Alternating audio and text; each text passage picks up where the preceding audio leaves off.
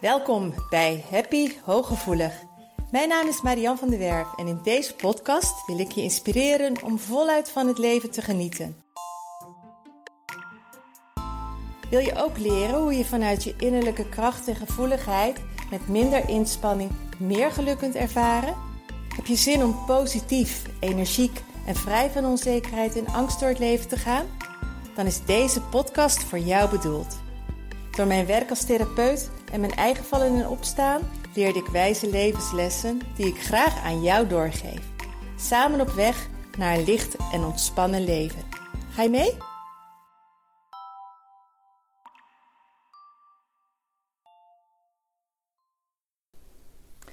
Hoi, het is weer tijd voor een nieuwe podcast. En voordat ik met deze podcast begin, wil ik jou als eerste eens bedanken dat je luistert. En misschien kan ik beter zeggen dat je weer luistert. Want ik zie dat er al steeds meer mensen zich abonneren op een van mijn kanalen. En trouw luisteren iedere keer als er een nieuwe podcast is. En voor mij is dat super motiverend om iedere week weer een nieuwe podcast te maken. Want het is gewoon onwijs leuk om te zien dat mensen uh, er naar luisteren, dat ze terugkomen en opnieuw luisteren. Want dat is een teken dat het inspirerend is of motiverend is of dat het inzichten geeft. En ik krijg ook regelmatig een berichtje of een mailtje van uh, wat fijn en het heeft me weer verder geholpen en dat is waar ik het voor doe. Dus bij deze heel erg bedankt dat je ook vandaag weer luistert naar deze nieuwe podcast. Uh, het onderwerp van vandaag is het gaspendaal en the story of my life. Toen ik het idee kreeg voor een podcast, ben ik gewoon begonnen. Ik heb een intro gemaakt, een outro gemaakt. Ik had wat tips gekregen van een business coach, uh, wat erin moest zitten. En ik heb gewoon een onderwerp gekozen, ik ben begonnen. Uh, later hoorde ik, leerde ik eigenlijk dat het de bedoeling is dat je bij de eerste podcast die je maakt jezelf voorstelt. En dat heb ik dus nooit gedaan. Ik ben gewoon begonnen.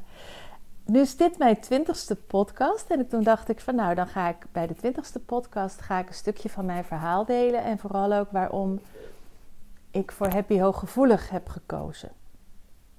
De gaspendaal en de rem, dat is in wezen de kern van hoe het in mijn leven gaat. En dat zie je dus ook bij die podcast. Ik ga gewoon beginnen, ik ga ergens voor, ik heb een leuk idee.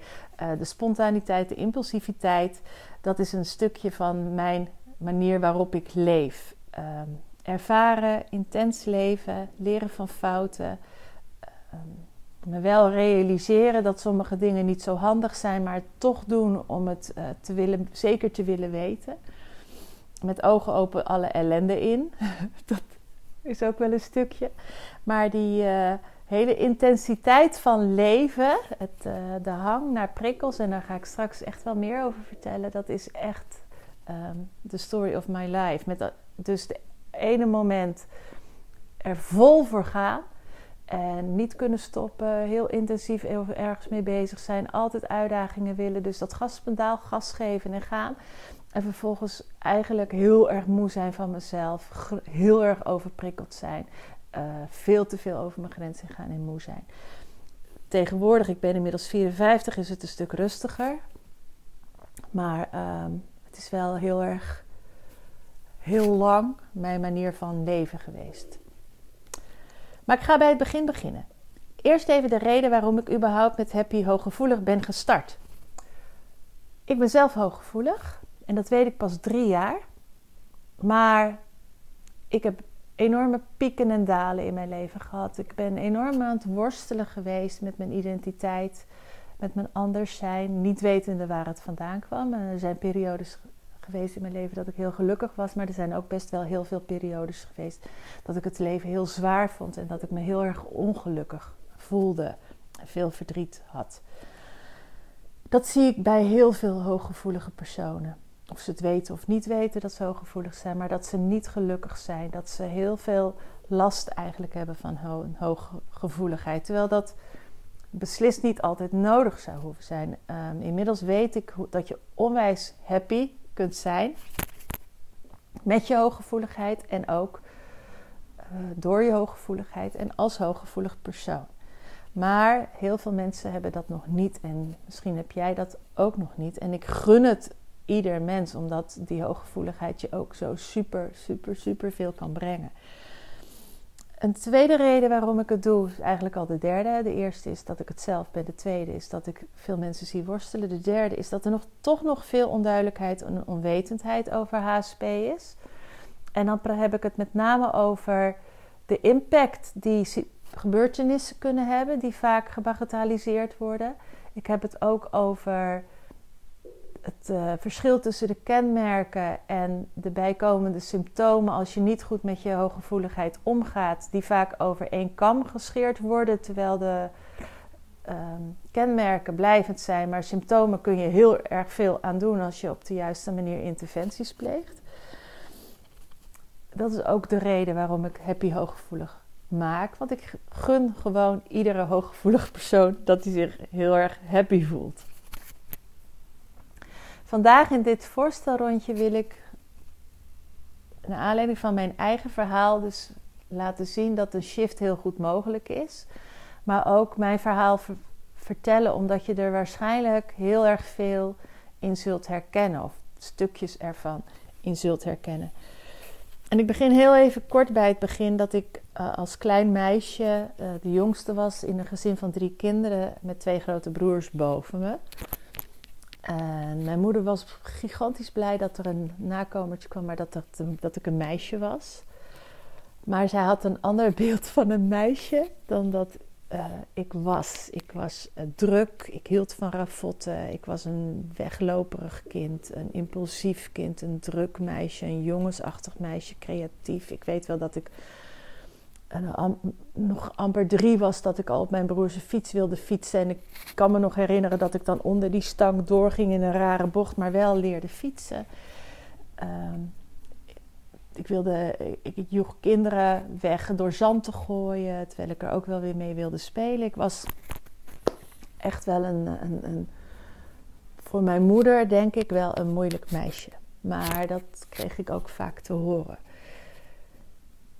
Uh, mijn, ik, mijn ouders die hadden een heel stabiel huwelijk. Die boden een heel stabiele omgeving voor ons. Mijn moeder was huisvrouw, mijn vader had een goede baan. We hadden het financieel goed. We hadden een mooi huis met een hele grote tuin eromheen.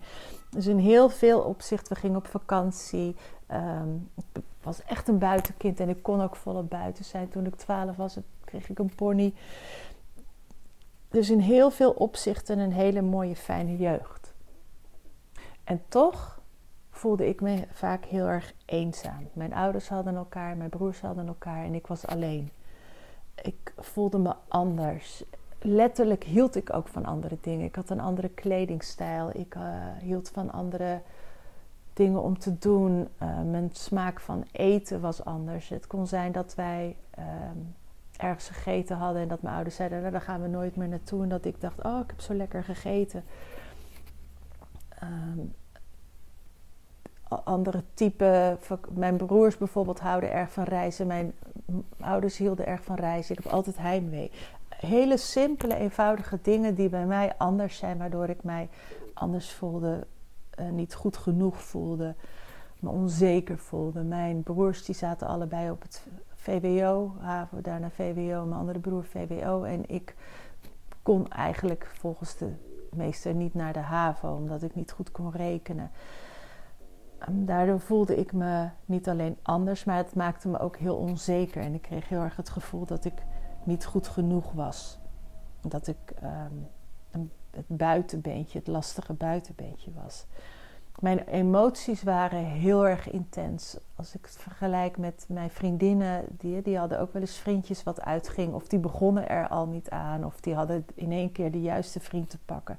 En bij mij was het uh, vriendje aan, vriendje uit. Ehm, waar ik enorm veel verdriet van had. Waar ik bijna niet overheen kon komen. Zoveel pijn en zoveel verdriet had ik ervan. Uh, mezelf overmatig aanpassen. Mijn woorden afwegen. Of ik niet een ander kwetste. Of het wel uh, normaal was wat ik vertelde. Ik ben op een gegeven moment ben ik gestopt met mijn eigen mening te geven. Uit angst om uh, dat er een boze reactie kwam.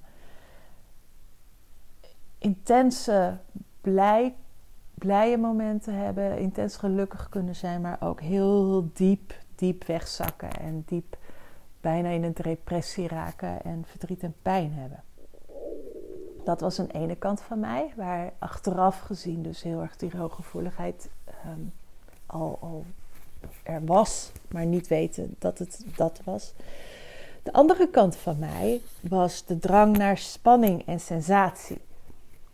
Uh, het grenzeloze, wat, waar met name mijn ouders best wel veel moeite hadden. Het, um, het impulsieve, het in zeven sloten tegelijk lopen, hè, zoals ze dat dan noemen. Wel weten dat dingen niet verstandig zijn, maar toch uit willen proberen. Um, bovenaan de zwarte piste staan en denken van jemig, waar ben ik nu weer aan begonnen? Uh, onder een waterval doorzwemmen waarvan iedereen zegt, jepie Marjan, je had wel kunnen verdrinken. Dat ik dacht van, oh, had ik het maar niet gedaan. Uh, iedere keer een, een, andere uitdaging willen, een andere studie. Het gras is groener aan de andere kant. iemand zei een keertje: je organiseert een optocht en halverwege ben je weg, want dan zie je ergens anders een optocht die je ook weer leuk lijkt. Um, dat was heel erg een andere kant van mij, wat ook resulteerde in um, ja, mensen die gewoon heel veel moeite met mijn karakter hadden, die het lastig vonden om met mij om te gaan. Mislukte relaties, verbroken relaties, huwelijken, een huwelijk dat stop liep, stuk liep. Waardoor ik door die afwijzing mezelf dus weer heel erg probeerde aan te passen en me anders ging gedragen dan dat ik was. Wat me ook weer heel erg ongelukkig maakte, want daarmee raakte ik mezelf weer kwijt. Dan kreeg ik weer depressieve gevoelens. Ehm, ik werd zo moe van mezelf dat ik uh, tot twee keer toe een uh, hele erg chronisch overprikkeld was en een burn-out kreeg. Nou, ongetwijfeld herken je hier stukjes van dat je denkt: oh, dat heb ik ook of dat herken ik. En is het misschien, voor de ene zal het misschien die dit hoort. Uh, de drang naar sensatie zijn, voor de ander juist de, afwijzing. Maar het zijn wel dingen die allemaal achteraf gezien te maken hebben met mijn hooggevoeligheid. Alleen dat wist ik niet. En op de, mijn 43ste kreeg ik de diagnose ADHD. Nou, daar was ik in wezen heel erg blij mee, omdat dat met name dat impulsieve, hè, dat ongeremde, dat van de hak op de tak, dat creatieve, dat uh, verklaarde voor mij van, oh, zo zit het. En ik was er heel erg blij mee, omdat ik daarna ook Um, het, doordat ik dat accepteerde en eigenlijk omarmde van, oh, daar komt het door, ben ik daar ook op gaan anticiperen, ben ik daar ook meer rekening mee gaan houden. Ben ik ook gaan zorgen voor ontprikkelmomenten? Ben ik zelfs uh, met mijn baan gestopt? Ben ik verhuisd naar Zeeland? Ben ik rust op gaan zoeken? Ben ik um, mijn grenzen meer aan gaan geven? Ben ik gaan opletten dat ik in een weekend niet te veel propte? Ben ik drukke plekken meer gaan mijden. Dat ik dacht van, oh, maar ik hoef het niet, want het is niet goed voor mij. Dat is tegelijkertijd bij mij ook de shift geweest, die achteraf zo goed is geweest. Want drie jaar geleden kwam ik er dus achter dat ik hooggevoelig was. Maar toen had ik al heel veel werk gedaan, wat, omdat er tussen ADHD en hooggevoeligheid zit, zitten ook veel overlapping. En zeker, ik blijk dus de high sensation seeker kant te zijn. Daar zit dus heel veel overlappende kenmerken met ADHD. Een van de grote verschillen is wel bijvoorbeeld dat bij ADHD je altijd druk in je hoofd bent, je altijd moeite hebt met concentratie. Bij mij is het uh, soms maar ik, het zijn ook momenten dat ik me super goed kan focussen en kan concentreren. Een ADHD'er heeft altijd wel de behoefte aan drukte, uh, sensatie. Um, ik heb het, had het vooral met vlagen. Ik, kon, ik kan ook dagen, zeker nu na je, na je 45ste, neemt met name die drang naar sensatie en uh, neemt wat af. Ik kan dagen alleen zijn, vind ik heerlijk. Heerlijk. En ehm, dat zijn wel weer verschillen met iemand die ADHD heeft. Maar ik heb, doordat ik die diagnose kreeg van ADHD, heb ik dus wel leren omgaan met overprikkeldheid. En heb ik wel hele achteraf gezien onwijs goede keuzes gemaakt voor mezelf. die ook nu in het voordeel zijn, nu ik dus weet dat ik hooggevoelig ben. En die ook heel goed werken voor hooggevoelige personen. Wat ik wel heb gedaan, is ik heb altijd wel op, op momenten dat ik dacht van ja, hier kom ik zelf niet uit, heb ik hulp gevraagd. Ik heb op een gegeven moment, ehm, toen ik uh, nog na mijn tweede mislukte relatie, dat ik dacht van ja, dit is gewoon niet fijn. En die heftige emoties en die uitspattingen en die intense verdrietige periodes, daar is gewoon iets mee. Toen ben ik wel met een eh, therapeut ook in gesprek gegaan, waardoor uiteindelijk dus die diagnose ADHD kwam. Dat ik tegen de beste man zei van ja, er is gewoon iets met me wat anders is dan anderen, bij anderen. En ik weet gewoon niet wat er aan de hand is, maar ik wil weten wat er met me aan de hand is. Dus ik heb daar ook begeleiding voor gehad. En uh, na de diagnose ADHD hebben we ook gekeken van hoe ga ik daar dan mee om? En um, hoe anticipeer ik? En wat is goed voor mij en wat is niet goed voor mij? Um, wat heb ik nog meer gedaan? Uh, besloten om te stoppen met mijn baan, omdat die baan achteraf gezien gewoon niet geschikt was, omdat die veel te veel verschillende uh, uh, ja, ik, had, ik was directeur van een basisschool, maar dan heb je zo gigantisch veel taken. Dat woord zoek ik altijd. Je hebt zo ongelooflijk veel taken en je hebt verspreide verantwoordelijkheid. Je bent verantwoordelijk voor, de, voor het welzijn van de kinderen. Je bent verantwoordelijk voor de opbrengsten. Je bent verantwoordelijk voor een goed functionerend team. Um, de oudercommunicatie. Er zijn zoveel poten waar je mee te dealen hebt. En ik voelde me zo onwijs verantwoordelijk voor alles. Maar ik, ik zag ook van alles wat er niet oké was. En ik voelde me eigenlijk ook onzeker omdat ik het op een heel andere manier deed dan mijn collega's. Wat, waardoor ik weer in mijn perfectionisme doorschoot. Dat, hè, dat is ook zo'n lekkere van het hooggevoelig zijn. Dat je zo door kan schieten in, je, in de details en in je perfectionisme. Als daar onzekerheid bij op de hoek komt kijken. Of als er in de kern het niet goed genoeg zijn om de hoek komt kijken. Um, maar die, dat, die, die keuzes die ik heb gemaakt. Ik ben met een loopbaancoach ook aan de gang gegaan van wat past nu echt bij mij. En ja, uiteindelijk heeft dat dus ook geresulteerd in mijn eigen onderneming. Waar ik zo, zo ontzettend blij mee ben. En waar ik zo intens van geniet. Ik kan het helemaal op mijn manier doen. Uh, ik kan andere mensen helpen, wat ik heel erg graag doe. Ik kan mijn informatie erin kwijt, mijn kennis, maar ook mijn, mijn intuïtie kan ik echt optimaal benutten in deze baan. En ik hoop dat ik daarmee ook jullie tot voorbeeld kan zijn om te laten zien dat je dus ook al ben je hooggevoelig, dat je wel super gelukkig kan zijn als je gaat doen wat bij jou past.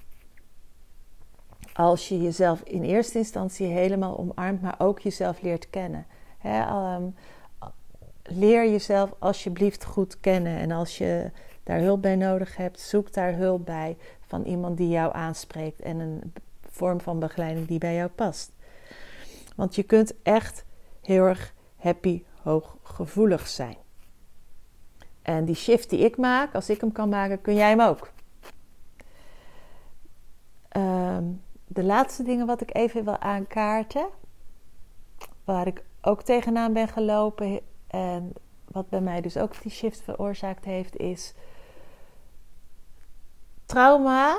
Als je het hebt over trauma, dan wordt er automatisch gedacht aan uh, verkrachting, overval, ongeval. Um, oorlogsveteranen, hè, die hebben een trauma.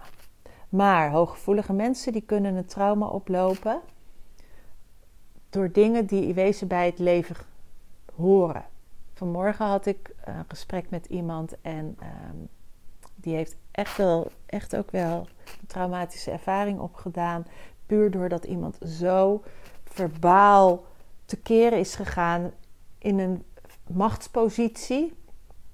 Waardoor ze compleet verstijfd is geraakt en dat uh, als, als jong meisje nooit er iets mee heeft kunnen doen.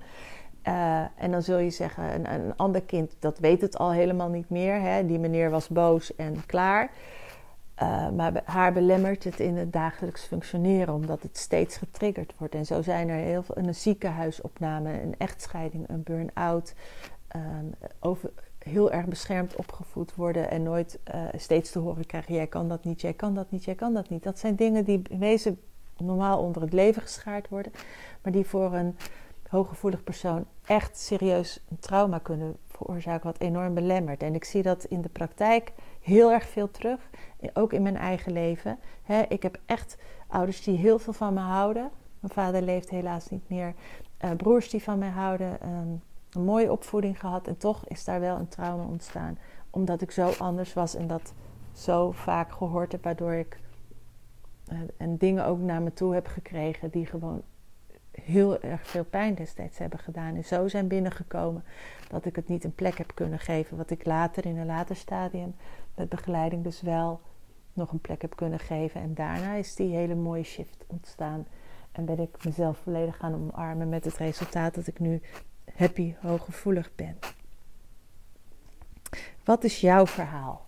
Ga daar eens naar kijken. Wat is jouw persoonlijke verhaal? En ga jezelf omarmen als hooggevoelig persoon. En ga kijken wie jij bent.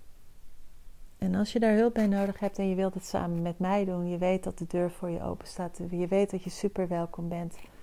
Er is veel meer informatie te vinden op zienswijs.nl.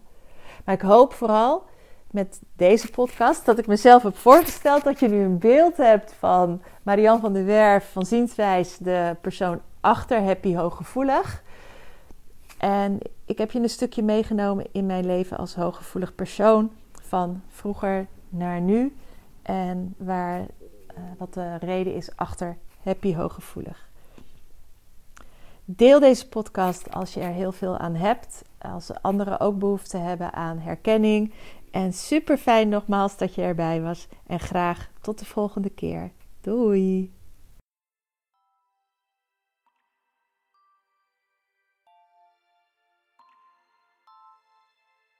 Dank dat je luisterde naar Happy Hooggevoelig. Heeft deze podcast je nieuwe inzichten gegeven? Je doet me een groot plezier met een recensie op Apple Podcast. Je kunt je natuurlijk ook abonneren op dit kanaal in jouw favoriete podcast-app. Want elke week staat er een nieuwe aflevering voor jou klaar.